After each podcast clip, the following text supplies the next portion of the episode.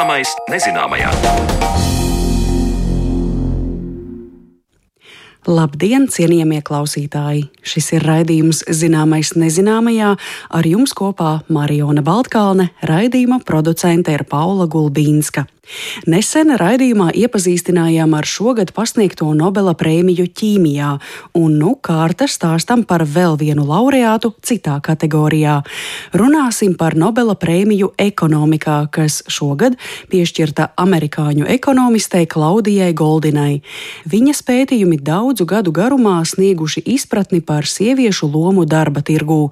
Tad, nu, raidījuma otrajā daļā pavērtīsim šo pētījumu nozīmi un to, kāpēc par vienlīdzību darba tirgū īsti runāt vēl nevaram. Un par sievietēm un karjeru mēs šodien raidījumu arī iesāksim, stāstot par sievietēm, stenogrāfistēm vēsturē. Mašīnrakstītājas, lietvedes, stenogrāfistes, jeb, kā šīs profesijas pārstāves dēvēja Latvijas pirmās brīvvalsts laikā, kantoristes. Tas bija jauns darbs izglītotām, ambiciozām sievietēm ceļā uz karjeru un finansiālu neatkarību. Tā, runājot par 19. un 20. gadsimta mijas jauno darbu biroju pasaulē, teica literatūras zinātniece Eva Eglāja Kristsone kādi pienākumi bija jāveic šīm kantoristēm, kāds bija atalgojums un cik augstu pa karjeras kāpnēm varēja uzkāpt sekretāre starpkaru Latvijā. Par to literatūras zinātnieci iztaujāja mana kolēģe Zane Lāce Baltāksne. Iepriekšējā pavasarī ir reģistrēti 2500 inteliģento bezdarbnieku, no tiem 70% sievietes, 120 kantoristes un mašīnu rakstītājas un 670 vienkāršu kantoristu. Tā 1924. gadā tiek drukāts laikrakstā Latvijas. 19. un 20. gadsimtu mijā, sākoties industriālai revolūcijai, darba tirgu parādās jauna profesija - mašīnu rakstītāja. Tika apgalvots, ka sievietes rakstā mašīnas lietošanā ir dabiski veiklākas nekā vīrieši, bet iespējams vēl svarīgāk bija tas, ka sievietes varēja nodarbināt par mazāku samaksu. Tā teica Latvijas Universitātes Literatūras, folkloras un mākslas institūta direktore, literatūras zinātniece Eva Eglāja Kristsone.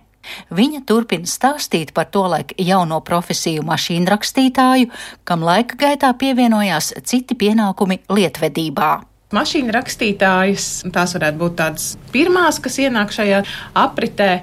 Nu jā, un tiek uzsvērts, ka viņas šim te ir ļoti piemērots, ka vispār tā kā sievietes pirkstiņi ir labāk radīti šādai mašīnu rakstītājai nekā vīrieši, jo pirms tam bija rokas rakstīšana viss, un tur, protams, vairāk šie te rakstēži bija vīrieši, bet šīs mašīnu rakstītājs principā tas ir kaut kāds pavērsiens arī vispār tādā dzimumu nozīmē, jo šīs sievietes ienāk šajā darba laukā, un, piemēram, diplomātijā ienāk šīs mašīnu rakstītājas rakstītājs. Viņām tiek uzticēts tas, kas tiek uzskatīts par noslēpumu, kur agrāk sievietes vispār netika klāt. Bet nu, tagad, uh, ņemot vērā, ka viņas mums ir tik labs un gana lēts darba spēks, tad, uh, jā, tad viņas arī sāk tajā noslēpuma pasaulē, vīriešu noslēpuma pasaulē, kļūt it kā piederīgas. Bet, protams, ka viņas ir ļoti statiskas. Jūs teicāt, gana lēts darba spēks. Vai ir dati par to, cik tā laika, kā bija apmaksāts šis darbs? Grūti tā pateikt, droši vien tad ir jāpapēta Latvijā kādas arhīvu dokumentācijas, bet uh, skatoties Eiropas vai pasaules kontekstā, tas ir izteikts arī skaitļos, un, un tā piezīme parasti ir, ka tas atalgojums par stundas darbu nav tāds, ka tas būtu ļoti iekārojams darbs vai profesija, bet ka ņemot vērā, ka ļoti daudz šīs sievietes no reģioniem, no laukiem devās uz pilsētu, tad, protams, ka šīs vakances ļoti ātri aizpildījās. Bet nu, priekš vīriešiem tas nebija iekārojams finansiāli postenis. Bet es domāju, arī toreiz no sievietes pozīcijām, ka labāk nekā strādāt eh, toreiz fabrikā vai nu, darīt fiziski smagus darbus, vai būt par istabeni. Jā, tieši tā. Jo ar šīm teiksim, kantoristēm, kas man liekas, latviešu valodā ir viens no iecienītākajiem vārdiem, kas parādās arī gana daudz literatūrā, tās ir kantoristas. Kā, jā, Ar šo darbu saistās arī, protams, arī sieviešu izglītotība. Un ir arī tā, ka šīs kantoristas ir izdevīgi, ka viņas pat nav jāapmāca, jo bieži vien viņas, piemēram, ir pabeiguši no Latvijas gadījumā, piemēram, no 7. gada, 1907. gada, Vīlis Olavs pārveidoja savu to meiteņu skolu par atvērtu jau tādu gan meitenēm, gan puišiem, un tur uzreiz bija arī šī stenogrāfistu kursi. Līdz ar to viņas jau bija šādus kursus izgājuši un aiziet uz darba vietu. Viņām pat nevajadzēja šo speciālo apmācību. Tā kā, jā, tas saistās ar šo sieviešu izglītotību, ka viņas no šī fiziskā darba veikšanas var eh, jau iet kādā jau nākamajā līmenī. Nu, jā, veikt arī šādu, nu, kur tomēr kaut kāds intelekts ir vajadzīgs, lai to darītu. Sēžu atkal departamentā, mani pirksti veikli slīd pār rakstāmašīnas kauliņiem. Pāri mums krīt papīru plūdi un putekļi. Vai tā ir dzīve?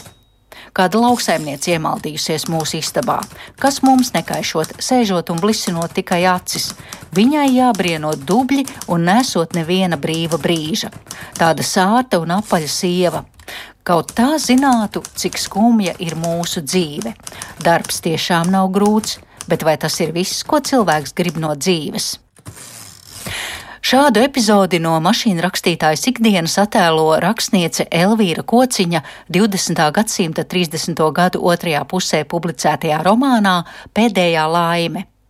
Lai arī darbs nebija nekāda medusmaize, tomēr tas nozīmēja kaut kādu finansiālu neatkarību un iespēju tikt augstāk par karjeras kāpnēm, ja ne profesionālajā jomā, tad izdevīgi aprecoties, jo īpaši tas attiecās uz ārlietu resoru, kur bieži vien par diplomātu kundzēm kļuva turpat strādājošās mašīnrakstītājas un sekretāris. Es esmu skatījusies tieši ārlietu ministriju un diplomātiju, Un tur jau ir ļoti interesanti šie te, kaut kā, ja mēs paskatāmies uz skaitļiem, cik, piemēram, strādāja kopumā tur ap 1300 šajā ārlietu dienestā personas strādāja tad patiesībā liels skaits sieviešu bija 575 sievietes. No tām 1330 personām bija sievietes. Bet, ja mēs skatāmies tālāk tajās amata kategorijās, nu, tad mēs redzam to patieso ainu. Jo, protams, ka tikai 16 no viņām bija tādas kaut cik augstā kategorijā. Vienīgi nu, tas augstākais, ko varēja sasniegt, ir šī pirmā šķiras sekretāre. Eh, tipiski bija otrās vai trešās šķiras sekretāras. Un tā tad visi pārējie tā saucamie civildienas amati, tātad 559 sievietes bija tajos amatos, par ko mēs jau runājam. Mašīna rakstītājs, stenogrāfs, tulces, Nu, bet, lai būtu tulks, taču bija jāzina svešu valodas, bija nepieciešama izglītība. Tas nozīmē, ka tās sievietes bija ieguvušas ļoti labu izglītību. Jā, protams, protams. Jā, šajos te preses dienestos vajadzēja, kas tulko informāciju no ārzemju preses. Un, protams, ka tur ņēma sievietes, kas zināja franču, vācu, krievu valodu. Jā, tā kā tieši tas jau, ko mēs runājam, tad izglītotībai ir nozīme šajā a, amata kategorijā. Skatot mūsu ārlietu ministrijas internetā publicēto informāciju, uzzinām, ka Latvijas diplomāte, speciāliste Tautu Savienības darbavedības un organizatoriskajos jautājumos Margrieta Sandere Latvijas pirmās brīvvalsts laikā ministrijā strādājot, bijusi diplomātiski konsulārajā dienestā, sākotnēji kā otrās šķiras sekretāre un vēlāk kā pirmās šķiras. Kā teikts rakstā, Tā ir bijusi augstākā pakāpe, ko Latvijā pirmajā neatkarības laikā diplomātiski konsulārajā dienestā varēja ieņemt sieviete. Un turpat arī skaidrojums, ka tāda bija ne tikai Latvijas nostādne attiecībā pret sievietēm diplomātiskajos amatos, bet arī kopumā uz tradīcijām balstītā starptautiskā prakse. Latvijas ārlietu dienesta organizēšanas posmā līdz 1923. gadam pārstāvniecībās ārvalstīs to vadītāji iecēla sievietes vadošajos amatos pēc pašu ieskatiem. Eva Eglāja Kristsone turpina stāstu par citām sievietēm, kuras ir strādājušas ārlietu ministrijā un kuru devums tolaik nav ticis pienācīgi novērtēts. Tā ir pilnīgi Eiropas un pasaules tendence, ka augstāk tur nevarēja tikt. Ir kaut kādi ļoti, ļoti reti izņēmumi, kur ir tiešām tā kā diplomāte, vēstniece, sieviete, viens vai divi gadījumi visā pasaules eh, kontekstā. Bet ir ļoti arī interesanti, ka runājot par to personīgo momentu, ka bieži vien šīs te sievietes, Margarita Sandere, eh, eh, nav vienīgā, kas tātad sasniedz šo pirmo šķiru, bet tur ir arī saistība ar to, ar ko viņas apprecas.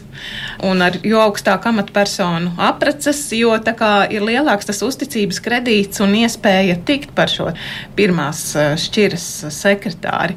Un vispār jau diezgan daudz tiek runāts arī par to, ka šīs stenogrāfs vai mašīnu rakstītājs vai sekretāris ir vismaz tajā laika periodā izplatītākās sievietes, kuras kļūst par diplomātu kundzēm.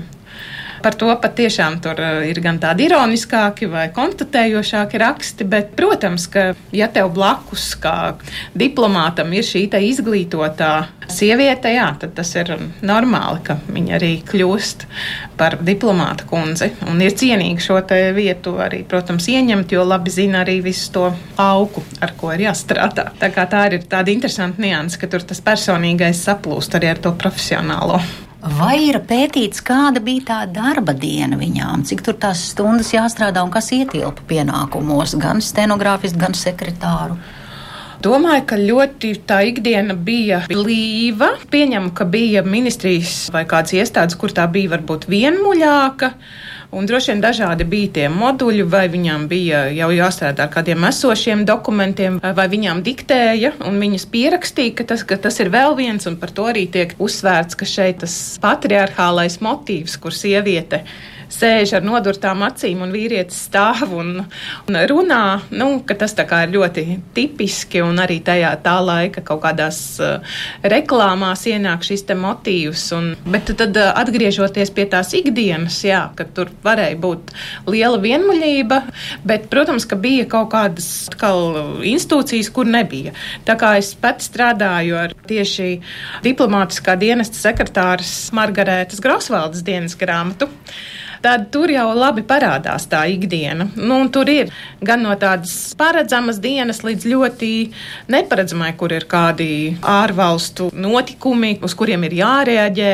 Tad uh, tiek ātri, ātri tiek diktētas vēstules un tiek gatavota dokumentācija, un Margarēta ir visai noskrējusies. Un patiesībā jau Es domāju, ka šīs sievietes arī diezgan daudz, ka tas bija arī veselībai liels pārbaudījums, šis sēdošais darbs, darbs ar dokumentiem. Margarēta jau 25 plus gados tiek pie brillēm, arī pie muguras problēmām.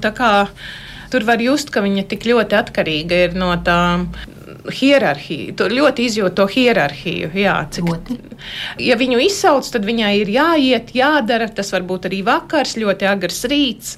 Piemēram, strādājot sūtniecībā, vēstniecībā, tas ir drusku citādi nekā tas ministrijas, piemēram, darba laiks noteiktais. Jā. Tā kā tur var atšķirties šajos te amatos arī. Austra Ozoliņa Krause un Anna Rūmana ķeniņa. Un tieši Anna Rūmana ķeniņa arī tiešām uzsver šo, ka sievietes netiek pielaistas tālākos amatos kā lielu tādu mīnusu. Un tad viņi arī tā ironizē, ka tās sievietes, kas tiek iesaistītas šajā ārlietu dienestā, patiesībā, kā jau mēs pārunājām, ir eh, izglītotas, ļoti spējīgas, dažkārt pat spējīgākas un, un, un intelektuāli jaudīgākas nekā tie vīrieši, kas ir hierarhiski virs viņām, un viņi, piemēram, min gadījumu, kur uh, ASV sūtniecībā šī mašīna rakstītāja sekretāra zina ļoti labi valodu, angļu valodu, savukārt ieceltais sūtnis uh, nezina, un viņa principā strādā visu viņa vietā bet viņa vārds, protams, paliek visur vēsturē. Protams, ja mēs skatāmies dokumentāciju, tad mēs redzam visur tikai šos vīriešu parakstus. Bet, nu jā, šis ir tas darbs, kas paliek aiz kadra. Un, ja pats šis sievietes par šo nebūtu kaut ko pastāstījuši, tad tā tas arī būtu.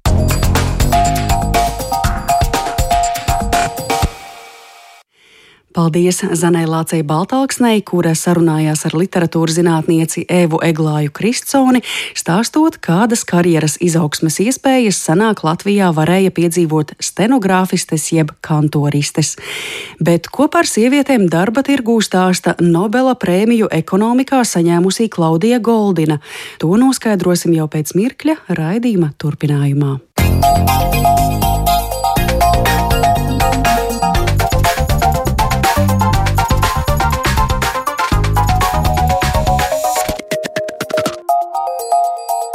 Zināmais nezināmajā. Zviedrijas Karaliskā Zinātņu akadēmija šogad lēmusi Nobela prēmiju ekonomikā piešķirt amerikāņu ekonomistei Klaudijai Goldinai, kura palīdzējusi izprast sieviešu lomu darba tirgū. Kā uzsvērusi akadēmija, tad Hārvarda Universitātes profesoras Goldinas pētījumi atklāja pārmaiņu cēloņus, kā arī galvenos joprojām pastāvošās dzimumu nevienlīdzības cēloņus. Akadēmijas paziņojumā norādīts, ka Goldinas darbs, un tālāk es citēju, sniedzis pirmo visaptverošo pārskatu par sieviešu ienākumiem un līdzdalību darba tirgū gadsimtu gaitā. Citāta beigas. Pie kādiem secinājumiem tad Klaudija Goldina ir nonākusi un kā viņas sniegumu vērtē pašmāju ekonomisti un citu jomu speciālisti, to tad mēs pārlūkosim raidījuma otrajā daļā. Un kā sarunas dalībniekus es sveicu šeit studijā Latvijas Universitātes biznesa vadības un ekonomikas fakultātes lektoru Mārtiņu Danuseviču. Labdien! Labdien! Un telefoniski mums pievienojas Rīgas Stradiņa Universitātes maģistra studiju programmas sociālā antropoloģija lektore un pētniece Diana Kiščenko. Labdien, Diana! Sveicināti! Pirmo reizi izdzirdot, ka Nobela prēmiju ekonomikā piešķir par pētījumiem saistībā ar sieviešu lomu darba tirgū, iespējams, kādam varētu ienākt prātā doma, Bet nu, vai tad par to piešķir Nobela prēmiju, vai par to būtu jāpiešķir Nobela prēmija? Jo vai tad tāpat jau nav skaidrs, ka sieviešu iesaistīšanās darba tirgu ir nozīmīga, ka sabiedrība un ekonomika no tā būs ieguvēji? Vai tomēr sanāk, ka Klaudija Goldina ir nonākusi pie kādām ļoti būtiskām atziņām, par ko mēs tomēr līdz šim neko nezinājām? Mārtiņ, jūs kā ar ekonomiku saistīts cilvēks, kā komentētu? Nobela prēmija ekonomikā bieži vien ir tāda, kas ir varbūt pasniegta kaut kādiem daudzu dekāžu garumā veiktiem pētījumiem, kas e, varbūt nav pēkšņi jaunatklājumi, kas varbūt būtu raksturīgi fizikai vai bioloģijai, bet kas raksturot apbalvojumu, gan izvērtēt, varētu teikt, mūža ieguldījumu kaut kādā jomā. Un šeit arī, protams, ka tēma ir ļoti aktuāla un bijusi tāda jau sen. Un e, Goldinas kundze tomēr ir ļoti daudz pētījusi šo aspektu, un gan izvēlējusi lielāko daļu savas dzīves, gan 40 gadus veltījusi šīs problēmas izpētēji. Attiecīgi, varētu teikt, ka nu, zināms e, nopelns ir viņas e, sasniegumos. Tas nenozīmē, ka problēma ir jauna. Problēma bijusi jau tiešām gadu desmitiem vai pat gadu simtiem. Tajā pašā laikā, nu, protams, ka ir ļoti patīkami, ka ir mazliet tāda jauna tēma, par kuru sniegt šī prēmija varbūt ir kaut kas vairāk problemātisks, kas ir izcināts. Jo bieži vien tās e, Nobela prēmijas ekonomikā ir par kaut kādiem modeļiem, vai līdzsvara principiem, vai izsoļu mehānismiem, kas nevienmēr ir tik sociāli aktuāls tēmas kā šī. Tad no tādas ekonomiskās e, puses mēs varētu teikt, ka Klaudija Goldina apstiprina, ko, ka sieviešu iesaiste darba tirgū ekonomikai nes pienesumu. Tā ir atziņa, kas, es teiktu, ir universāla. Es domāju, ka vairums ekonomistu ar abām rokām balsot par, teiktu, ka jā, ka sieviešu iesaiste ir svarīga no ekonomiskā viedokļa. Šeit ir būtiski tas, ka, nu, varētu teikt tā, ka viens no tādiem elementiem ir tas, ka mēs zaudējam resursu. Mums ir resursi, jo darba spēks cilvēki ir resursi. Un šis resurs netiek efektīvi izmantots. Tas nozīmē, ka mūsu darba tirgu puse no darba tirgus resursa pilnvērtīgi nav iekļāvies ekonomiskajos procesos. Tas nozīmē, ka mums nav, mums principā ir neiegūts iekšzemes koprodukts, mums ir neiegūta efektivitāte, mēs varētu pacelt savu produktivitāti.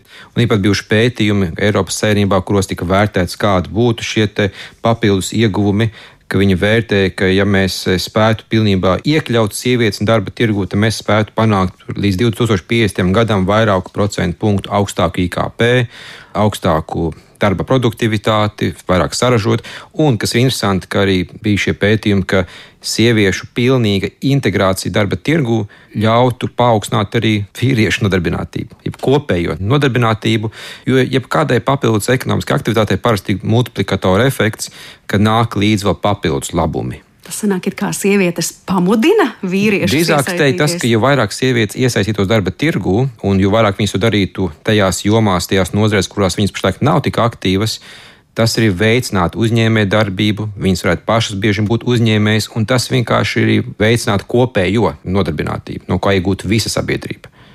Diana, jums klausoties šo Mārtiņa stāstu no tādas ekonomiskās puses, vai ir kas piebilstams par Klaudijas Goldinas atzinumiem, kurus mēs varētu sasaistīt ar tādiem sociāliem jautājumiem, vai ir vērojams, ka arī ir kādas jaunas atziņas saistībā ar sieviešu iesaistī darba tirgū, kas spēlē par labu sociālajai pusē, vai tās arī ir kādas universālas vērtības, ko mēs jau nojautām, zinājām, un Klaudija Goldina to tikai apstiprina no jauna jauna.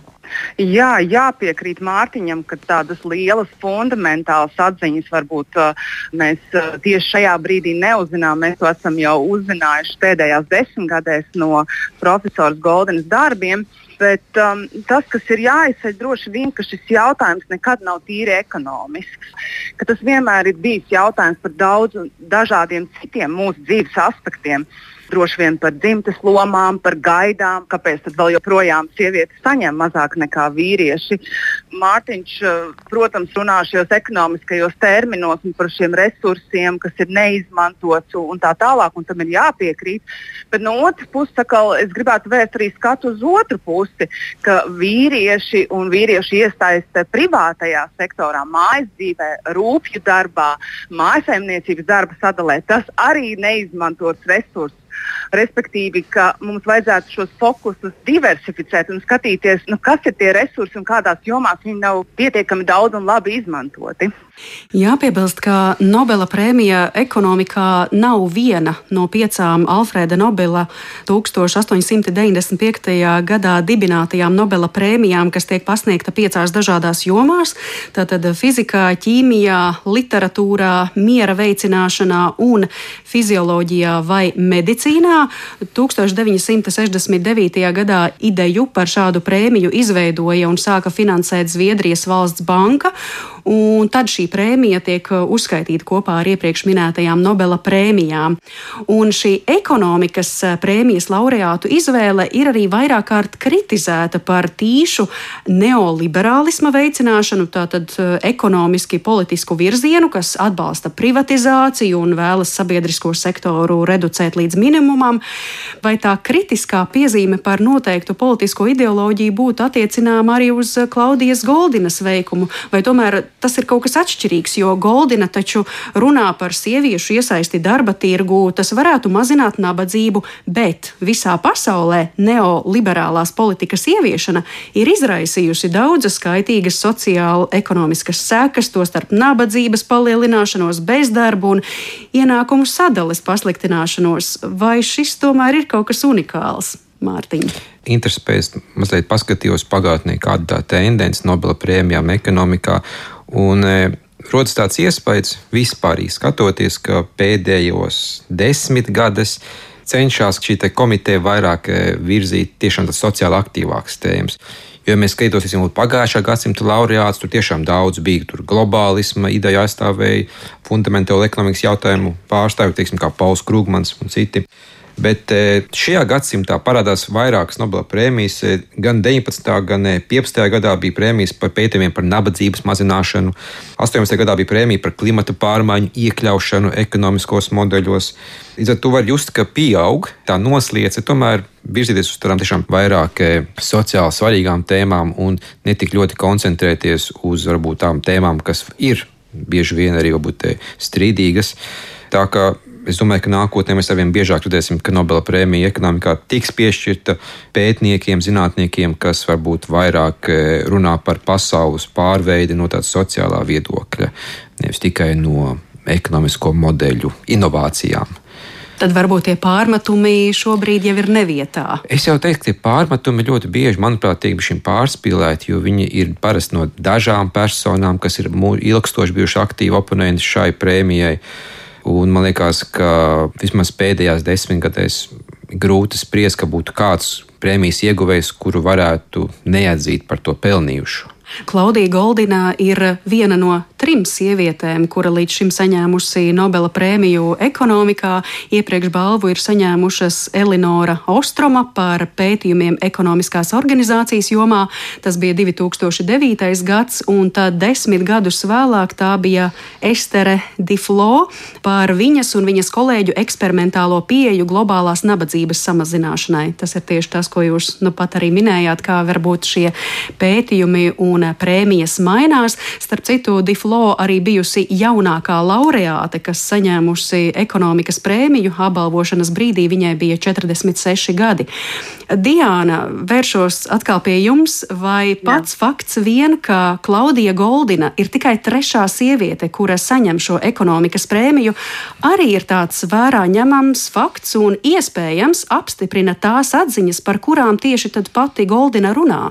Jā, absolūti. Es domāju, tas ir simboliski. Un, jāatcerās vienmēr, ka dažkārt balvas ir ļoti politiskas. Mm, tas ir kaut kāds ziņojums, ko šī komisija ir vēlējusies nodot, ne tikai izvirzot sievieti, ne tikai konkrētās tēmas. Tas droši vien ir tāds ziņojums visai plašai pasaulē, uz ko mēs vēlētos virzīties, kas ir tās tēmas, kas ir tie cilvēki, kurus mēs vēlētos izvirzīt priekšplānā. Es absolūti domāju, ka tas ir ļoti simbolisks akts šādu balvu pasniegt sievietei un par šādu tēmu. Mm -hmm. Zviedrijas Karaliskā Zinātņu akadēmijas paziņojumā arī norādīts, ka pasaulē aptuveni 50% sieviešu piedalās darba tirgū salīdzinājumā ar 80% vīriešu. Turklāt eh, sievietes pelna mazāk un retāk sasniedz karjeras kāpņu augšgalu.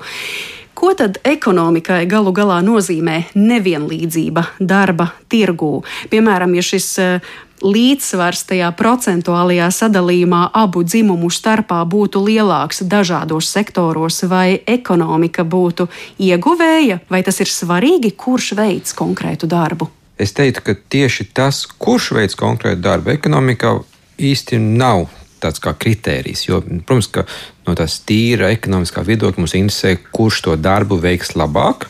Nu, ar to var būt domāts, kurš to veiks efektīvāk, produktīvāk, spēs to izdarīt daudz labāk.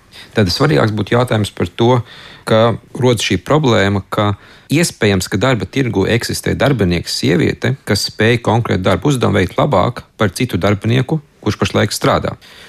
Un, ja šī sieviete ir kāds barjeras, vai šai sievietei ir kaut kādas dzīves izvēles rezultātā, nav iespējams būt šajā darba tirgū, sanāk, ka mums reāli ir zemāks šī efektivitāte.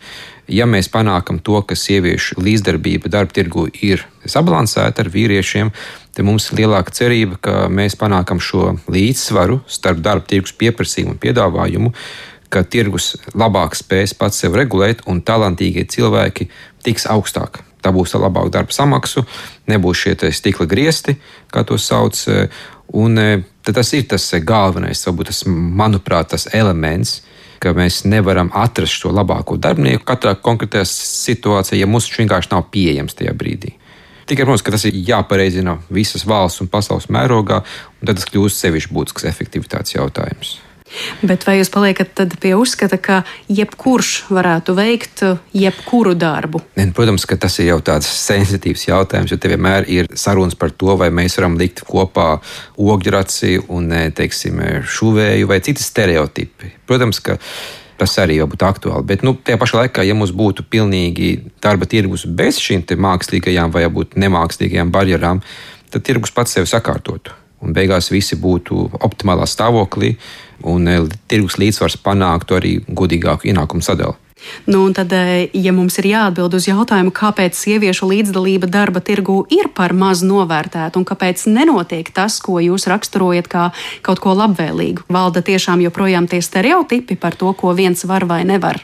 Nu, es domāju, ka te jau mēs tā mazliet ieejam tādā antropoloģiskā lauciņā, ja kuras pārāk eh, n- n- negrib varbūt eh, izpausties, jo ir kompetentāki cilvēki.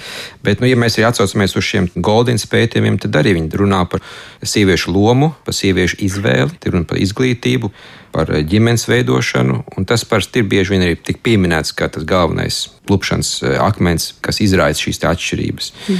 Jo mēs skatāmies, kas ir Latvijā ar ienākumu atšķirībām starp vīriešiem un sievietēm. Mums viņas lielas, ja nemaldos, bija kaut kādi 20-25%, bet beigās mums ir ļoti liela noslēņošanās pa profesijām, pat pa nozarēm, ka ir sievietes noslēņojas izglītībā, veselības aprūpē, vīrieši noslēņojas IT un citās jomās.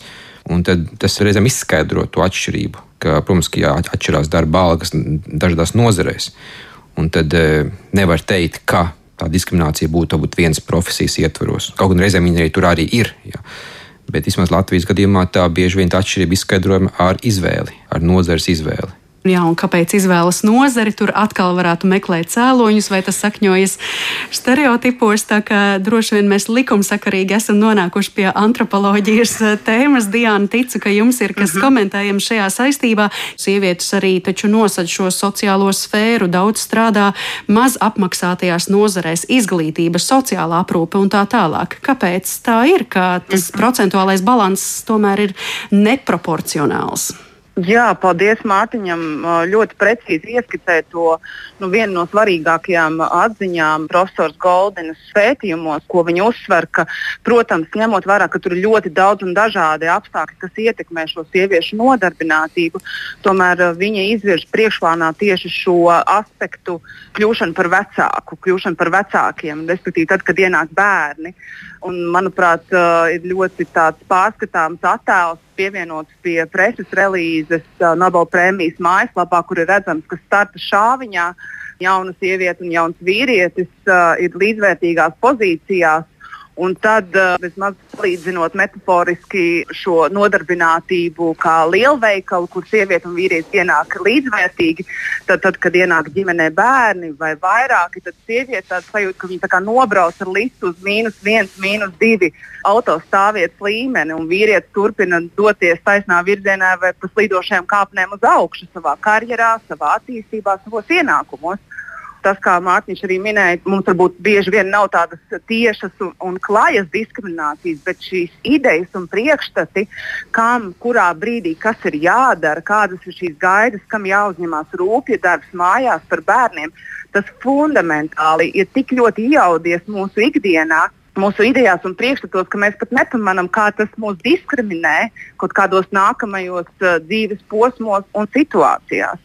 Tāpēc jā, nu šis ir viens būtisks aspekts, kāpēc arī bieži vien šīs sievietes izvēlās fleksiblu darbu, darbu, kur var apvienot ar mājas un ģimenes dzīvi, kur ir uh, mazākas stundas. Un tas ir viens no segmentiem, kur mēs redzam, nu, kāda ir tā ietekme. Respektīvi, ka sievietes mēģina sēdēt uz abiem ķeblīšiem. Viņas grib gan profesionālajā jomā darīt, līdzdarboties, gan viņas grib arī šo māju, nu, grib vai, vai ir šie apstākļi kur ir nepieciešams būt mājās ar bērniem vai uzturēt mājsaimniecību. Un šeit nāk iekšā tas, ka nu, domājot par tādiem risinājumiem, tur tie risinājumi ir daudz un dažādi, gan tādi ļoti nu, struktūrāli, formāli, likumu uh, veidā, gan arī tādi lielāki jautājumi, kā mums vajadzētu varbūt mēģināt domāt savādāk. Iespējams, viens no veidiem ir tas, ka varbūt darba devējiem, darba ņēmējiem, vīriešiem ir pašiem jādomā par šo fleksibilitāti kā kaut ko tādu, ko vēlas ne tikai sievietes, kurām tas ir nepieciešams, bet arī vīrieši domāt par darbu un privātās dzīves salāgošanu respektīvi, ka arī vīrieši uzņemtos atbildību, līdzvērtīgu atbildību par mājasemniecību, par mājas darbiem, par rūpēm par bērniem. Tas ir tas resurs, par ko Mārtiņš runāja, ka, ja sievietes ir tās neizmantotas resursi šajā darba tirgū, tad man gribētu teikt, ka vīrieši ir neizmantotas resursi šajā privātajā mājas uh, zonā. Un, tā mana atziņa, ko es paņemu no, no Goldinas darbiem, ka viens no tiem veidiem, kā domāt par šīm pārmaiņām, ir ka mums visiem kopā par to ir jādomā, visām sabiedrības grupām. Tas nav jautājums tikai, ka sievietes risina citas sieviešu jautājumus. Tas ir arī tāda vīriešu līdzvērtīga iesaiste šajos procesos. Gribu arī papildināt Diānas teikto par eh, tiem risinājumiem, vai iespējamiem, ja, ka arī viens no elementiem, kas ir tika pieminēts eh, šajā plaisā, ir tas, ka vīrieši labprātāk uzņemas darba devēju aicinājumu strādāt vairāk, teiksim, virsstundas. Un darba devēji bieži vien labprātāk vīriešiem dod karjeras izaugsmas iespējas, jo ir mazāks risks, ka viņi pēkšņi ņems darba pārtraukumu, kas ir bioloģiski saprotami. Mēs arī dzīvojam mūsdienās pārāk tādā sistēmā, ka mums dominē mēneša algas. Un e, arī tas, ko Goldina arī pieminēja, ka tās problēmas sākās tad, kad cilvēki no gabala algas pārgāja uz mēneša algu. Jo kamēr bija alga par konkrēti izdarītu darbu, sievietes vīrieši bija vienā pozīcijā, jo maksāja par to, ko tu izdarīji. Bet, kad sabiedrība pārgāja uz mēneša algu, mazliet izšķīda šī atbildība par to, ko cilvēks ir izdarījis, un arī tas ir ļāva varbūt vairāk veikt šo diskrimināciju. Tāpēc varbūt arī risinājums būtu arī motivēt arī darba devējus vairāk virzīties uz eh, samaksu par izdarīto, nevis par laiku pavadīto. Ko arī Covid ielā parādīja. Covid laikā daudz bieži vien izkristalizējās tie cilvēki, kas saņem algu par sēdēšanu, nevis par darīšanu. Arī par šo bērnu uzņemšanos arī, teiksim, arī Latvijas dati rāda, ka teiksim, sievietes līdz 30 gadu vecumam viņu plaisa, ienākuma plaisa pret vīriešiem ir uh, aptuveni zem 10%. Kamēr sievietēm, kad viņas ir jau virs 30 gadiem un tālāk, šī plaisa būtiski pieaug līdz pat šiem 20%, kas ir parāda šo mirkli, kad sieviete sāk audzināt bērnus, tad arī šī plaisa arī parādās. Nu, tad, principā, arī mūsu arī Latvijas dati arī šo pašu ainu apstiprina. Tad es jūtu, ka tajā brīdī, kad sieviete izdara izvēli par labu izglītībai, tā plaisa iespējams tik ļoti vērojama nav. Viņa iegūst arī tur, arī tur ir, jā, tomēr ir. Jo jā. tas ir tā problēma, ko daudz piemin, ka sievietes bieži izvēlas tādu izglītības veidu, kas varbūt nākotnē nedos tādus tik augstākus ienākumus. Tas viņa... ir tas pats stāsts, kāpēc Latvijā ļoti motivē meitenes lūdzu virzieties uz eksaktajām zinātnēm, virzieties uz STEM zinātnēm, IT, programmēšanu, fiziku, bioloģiju. Jo ir, tur ir pārāk maz procents tiksim, skolas absolventu, meiteņu, kas dodas pēc tam šajā virzienā. Latvijā tomēr joprojām STEM studijās dominē vīrieši. Un tās nāk, tas ir izvēles jautājums. Tā, tas arī ir būtisks efekts, ko arī piemin arī Goldina, kur ir piemin citi, ka šis stereotips, ka meitenēm ir jāizvēlās noteiktas nozares studijās, nu, tas arī rada šo problēmu. Mēs arī esam mūsu raidījumos runājuši par sievietēm, kuras saņem L'Oreal balvu par sievietēm zinātnē, un tad, kad aprunājamies ar šīm zinātniecēm un prasām, vai ir vērojams zinātnes pasaulē, ka kaut kur parādās šī nevienlīdzība un ka ir būtiski izcelt sievietes un pasniegt viņām balvas. Viņas tieši min šo aspektu, ka tu vari virzīties šajā zinātnē, iegūt bakalaura grādu, maģistra grādu, tik tālu varbūt viss ir kārtībā un ir jūtama tā vienlīdzība, bet līdz ko tu sāc praktizēt zinātnē un līdz ko notiek tas, ko jūs abi minējāt, piemēram, sievietes dzīvē ienāk mazs bērns, viņa izkrīt no zinātnes aprites un pēc tam atgriezties un sasniegt tos pašus pašus griestus, ko tajā laikā mierīgi jau ir sasniedzis eh, vīrietis, ir eh, krietni, krietni grūtāk. Tāpēc es arī minēju, ka varbūt sākotnēji šajā izglītības ziņā viss ir eh, vienlīdzīgi, bet grūtības parādās, jā, kad ģimenē ienāk bērns. Un tomēr, kā jūs, Mārtiņ, sakāt, arī šajās izvēlēs, tomēr jau arī ir atšķirības. Arī rietumu pasaulē, kur it kā mums visiem taču ir vienādas iespējas, vai ne? Ja es drīkstu, es vienu mazu komentāru, ka mums tālu nav jāmeklē skatoties uz zinātni un sieviešu un vīriešu iesaisti, interesanti pētījumi radās pandēmijas laikā, kur pētnieki analizēja zinātnisko rakstu iesniegšanas daudzumu laika posmā starp 2018 un 2020 gadu pirmo pandēmijas vilni. Viņi secināja, ka no 5 miljoniem vienību sieviešu iesniegto rakstu skaits samazinājās, it sevišķi jauno zinātnieku vidū, bet vīriešu zinātnisko rakstu daudzums palielinājās.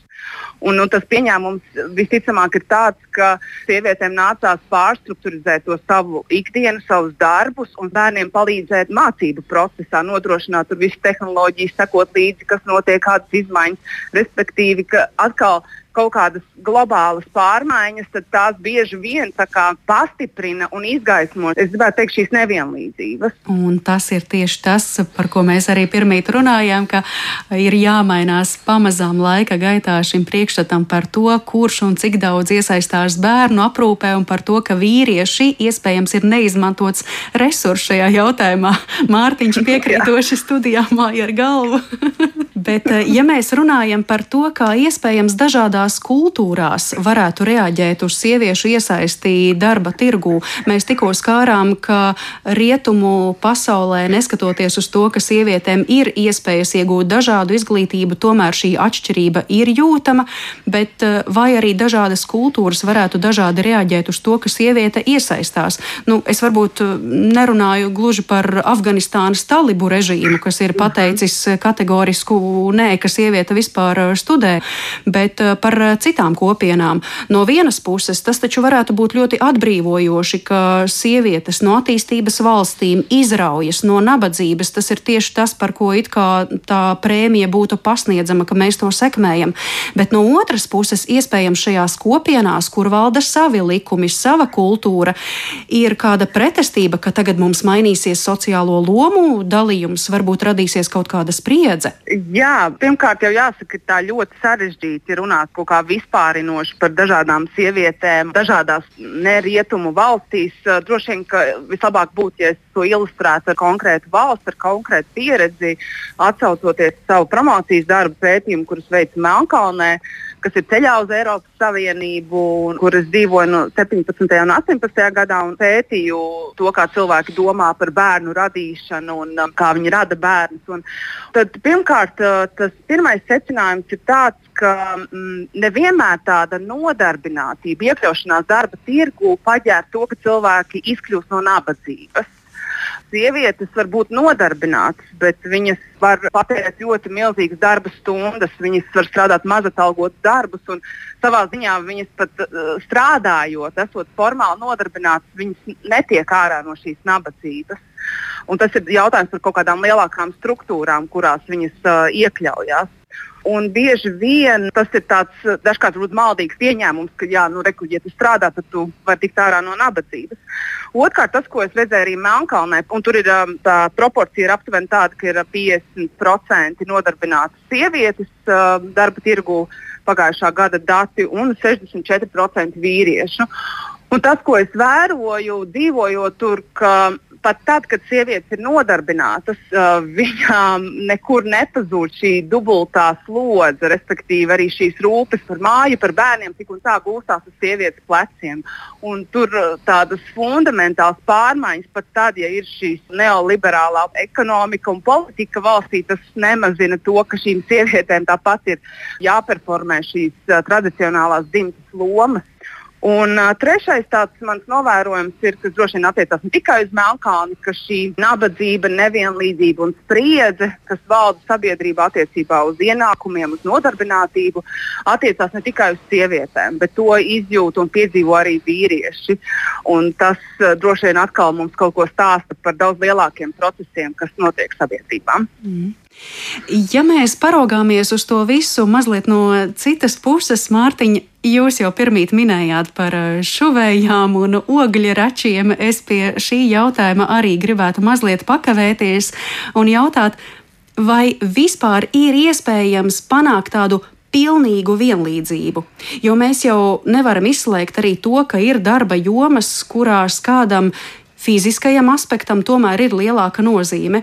Un eh, šobrīd gan sāk parādīties teorijas par to, ka bioloģiskais dzimums ir spektrs, bet nu, bioloģijas grāmatās tomēr joprojām tiek runāts par divu X chromosomu komplektu sievietēm, XY chromosomu komplektu vīriešiem, kas gribot, negribot ietekmē arī mūsu organismu iespējas fiziskā līmenī.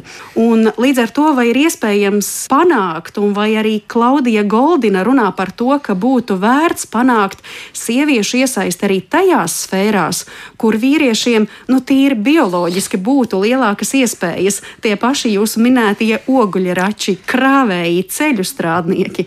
Es būtu nu, ļoti īsi, lai tiešām neatvērtu Pandoras lādi. Es domāju, ka no ekonomiskā viedokļa, ja nav nekādu barjeru tad katra individa konkurētspējas priekšrocības ļaus viņiem nonākt tajā profesijā, kur viņi ir visspējīgākie un spēj vairāk sniegt kopējo labumu. Un, ja to tādā pieņēmumā dzimumam nav jābūt kā kritērijam, un dabiskā ceļā var rasties situācija, ka dzimumi nav vienmērīgi sadalīti pa profesijām. Tikai tāpēc, ka individiem ir dažādas atšķirīgas konkurētspējas priekšrocības. Tas ir viss principā. Mm. Es pieļauju, ka vienlīdzība varētu būt arī kaut vai tajā aspektā, ka tad, kad sieviete, piemēram, pretendē uz tādu darbu, kur iespējams šī fiziskā iesaiste ir krietni lielāka, nest smagas kastes, skaņu aparatūru, gaismu aparatūru, ka viņai vismaz tiek pajautāts, vai tu esi gatava tas, to uzņemties. Protams, jā, tas, ir, tas ir pie nosacījuma, mums nav jā. nekādu barjeru, un mm -hmm. mums mhm. darbā pieņemšanas process ir maksimāli atvērts, kurā nav nekādu šādu šķēršļu. Man liekas, bija šis klasiskais piemērs, ko daudz arī minējuši par šiem orķestriem, kuros pieņem darbā. Muzikants spēlē aiz priekškara, Jā. lai neredzētu dzimumu. Tas ir kā klasisks eksperiments piemērs, lai vērtētu pēc prasmēm, nevis pēc dzimuma. Ja tāds mehānisms būtu iespējams katrā profesijā, tas būtu brīnišķīgi. Protams, nevienmēr tas ir iespējams. Ja? Bet nu, jautājums, vai būtu kaut kā mākslīgi viena vai otra dzimuma pieeja darbvietai jāveicina. Nu, par to es pat negribu spriest, ja godīgi. Mm. Kāpēc es to jautāju? Tāpēc, ka tad, kad piemēram mēs vērojam uh, kādas arī sociālas cīņas par sieviešu nonākšanu kādās pozīcijās, tad uh, mēs redzam, ka ir piemēram kampaņas par sieviešu iesaisti politikā. Tur kā loģisks arguments tiek piedāvāts tas, ka lēmumu pieņemšana par visu sabiedrību ir daudz jēgpilnāka, daudz pamatotāka, ja tā notiek arī no sievietes skatu punkta. Ja mēs runājam, protams, par politiku, tad tur būtisks aspekts ir arī vara, kurš būs pie varas jā, grožiem. Tur, tur izdomāja cits arguments. Tur, tomēr tas ir reprezentatīvs darbs. Tur sieviete reprezentē kaut kādu sabiedrības daļu. Līdz ar to tur varētu būt loģiska kaut kāda dzimuma struktūra, lai būtu reprezentatīva pret valsts iedzīvotāju dzimumu struktūru. Bet tas nav darba tirgus. Un tāpat mēs zinām, ka pagājušajā gadā, kad notika diskusijas par valsts aizsardzības dienestu, bija runāts par to, ka dienestam ir jābūt universālam, tātad gan vīriešiem, gan sievietēm, un kā tas izskanēja plaši, dienests vienmēr nenozīmē skriešanu pa mežu ar ieroci, bet tās ir arī daudzas citas funkcijas. Bet mēs jau tomēr īpaši, nu, neredzam kampaņas vai karstas diskusijas par sieviešu iekļūšanu ceļu strādnieku, ogļu raču, notekūdeņu un kanalizācijas atsūknēšanas darbos. Un pat ja sievietes tur ir, tad tāda cīņa nenotiek. Diana, kāpēc? Jā, man vienmēr šķiet interesanti, ka tas jautājums tā vienmēr tiek iegriezts tā, nu, nu, sievietes un šie fiziski smagie darbi, kur ir nepieciešama šī fiziskā ķermeņa iesaiste. Bet um, mēs taču varētu arī pajautāt otrādi, vai ne? Un par to arī, manuprāt, ir jārunā. Par to, kāpēc mēs neredzam uh, skolotājus vīriešus. Nu, mēs redzam, mums ir neliels skaits vai pirmsskolas skolotājus. Uh, Kā, tas ir viens tāds komentārs. Nu, tad skatāmies uz abiem, ne? Un dažādām potenciālajām iespējām.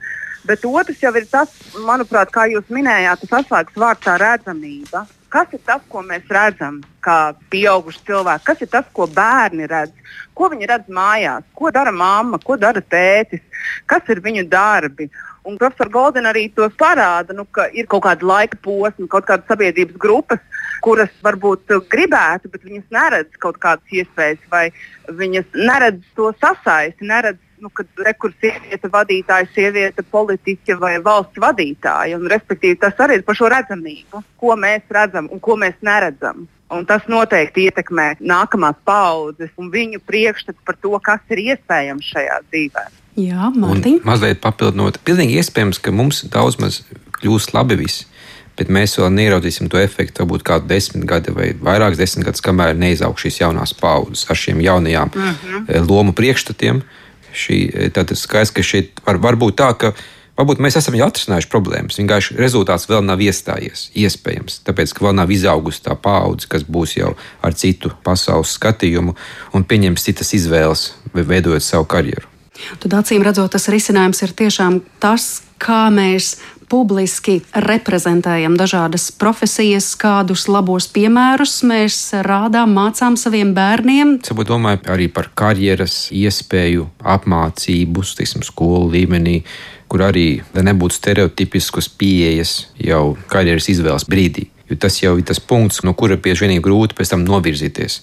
Jaunieci ir investējies savā pirmajā augstākajā izglītībā, Un tad ir grūti pārdomāt, kad pēc gadiem desmit pēkšņi saprasts, ka nē, šī nav īstā karjera. Tāpēc, ka jaunībā vadījās pēc stereotipa. Mm. Vai pēc tā, ka nebija šo paraugu, veiksmīgo personāžu, kas tajā citā profesijā guvis panākumus par spīti kaut kādai nevienlīdzībai.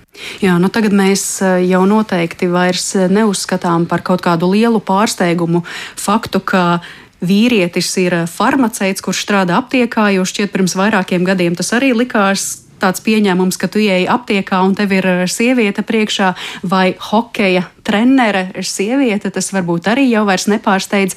Salīdzinoši nesen mums bija ziņu sižeti par to, ka vilcienu vadītājas Latvijā būs sievietes, un tas bija tāds jauns un patīkams pārsteigums, tā kā šiem stāstiem acīm redzot ir nozīme. Un eh, cerams, ka šīs tēmas pacelšana plašākas sabiedrības redzeslokā arī varbūt ir veicinās sabiedrības domāšanas izmaiņas. Un tām pēc kāda laika sekos arī ekonomisks uzlabojums. Pie tā tad arī paliekam un redzēsim, cik ilgā laika posmā tas, ko Klaudija Goldina ir noformulējusi savos pētījumos un par ko viņa šobrīd arī ir apbalvota, kā tas nostiprināsies sabiedrībā. Bet šodien par sarunu es saku paldies Latvijas Universitātes biznesa vadības un ekonomikas fakultātes lektoram Mārtiņam Danusevičam un paldies arī Rīgas Stradiņa Universitātes maģistra studiju programmas sociālā antropoloģija lektorei un pētniecei Diānai Kiščenko. Un ar to arī mūsu raidījums šodien izskan. Par to gādāja Paula Gulbīnska, Kristīna Delle, Girts Bišs un ar jums sarunājās Marija. Mariona Baltkalne. Uz tikšanos jau atkal citu dienu. Visu labu!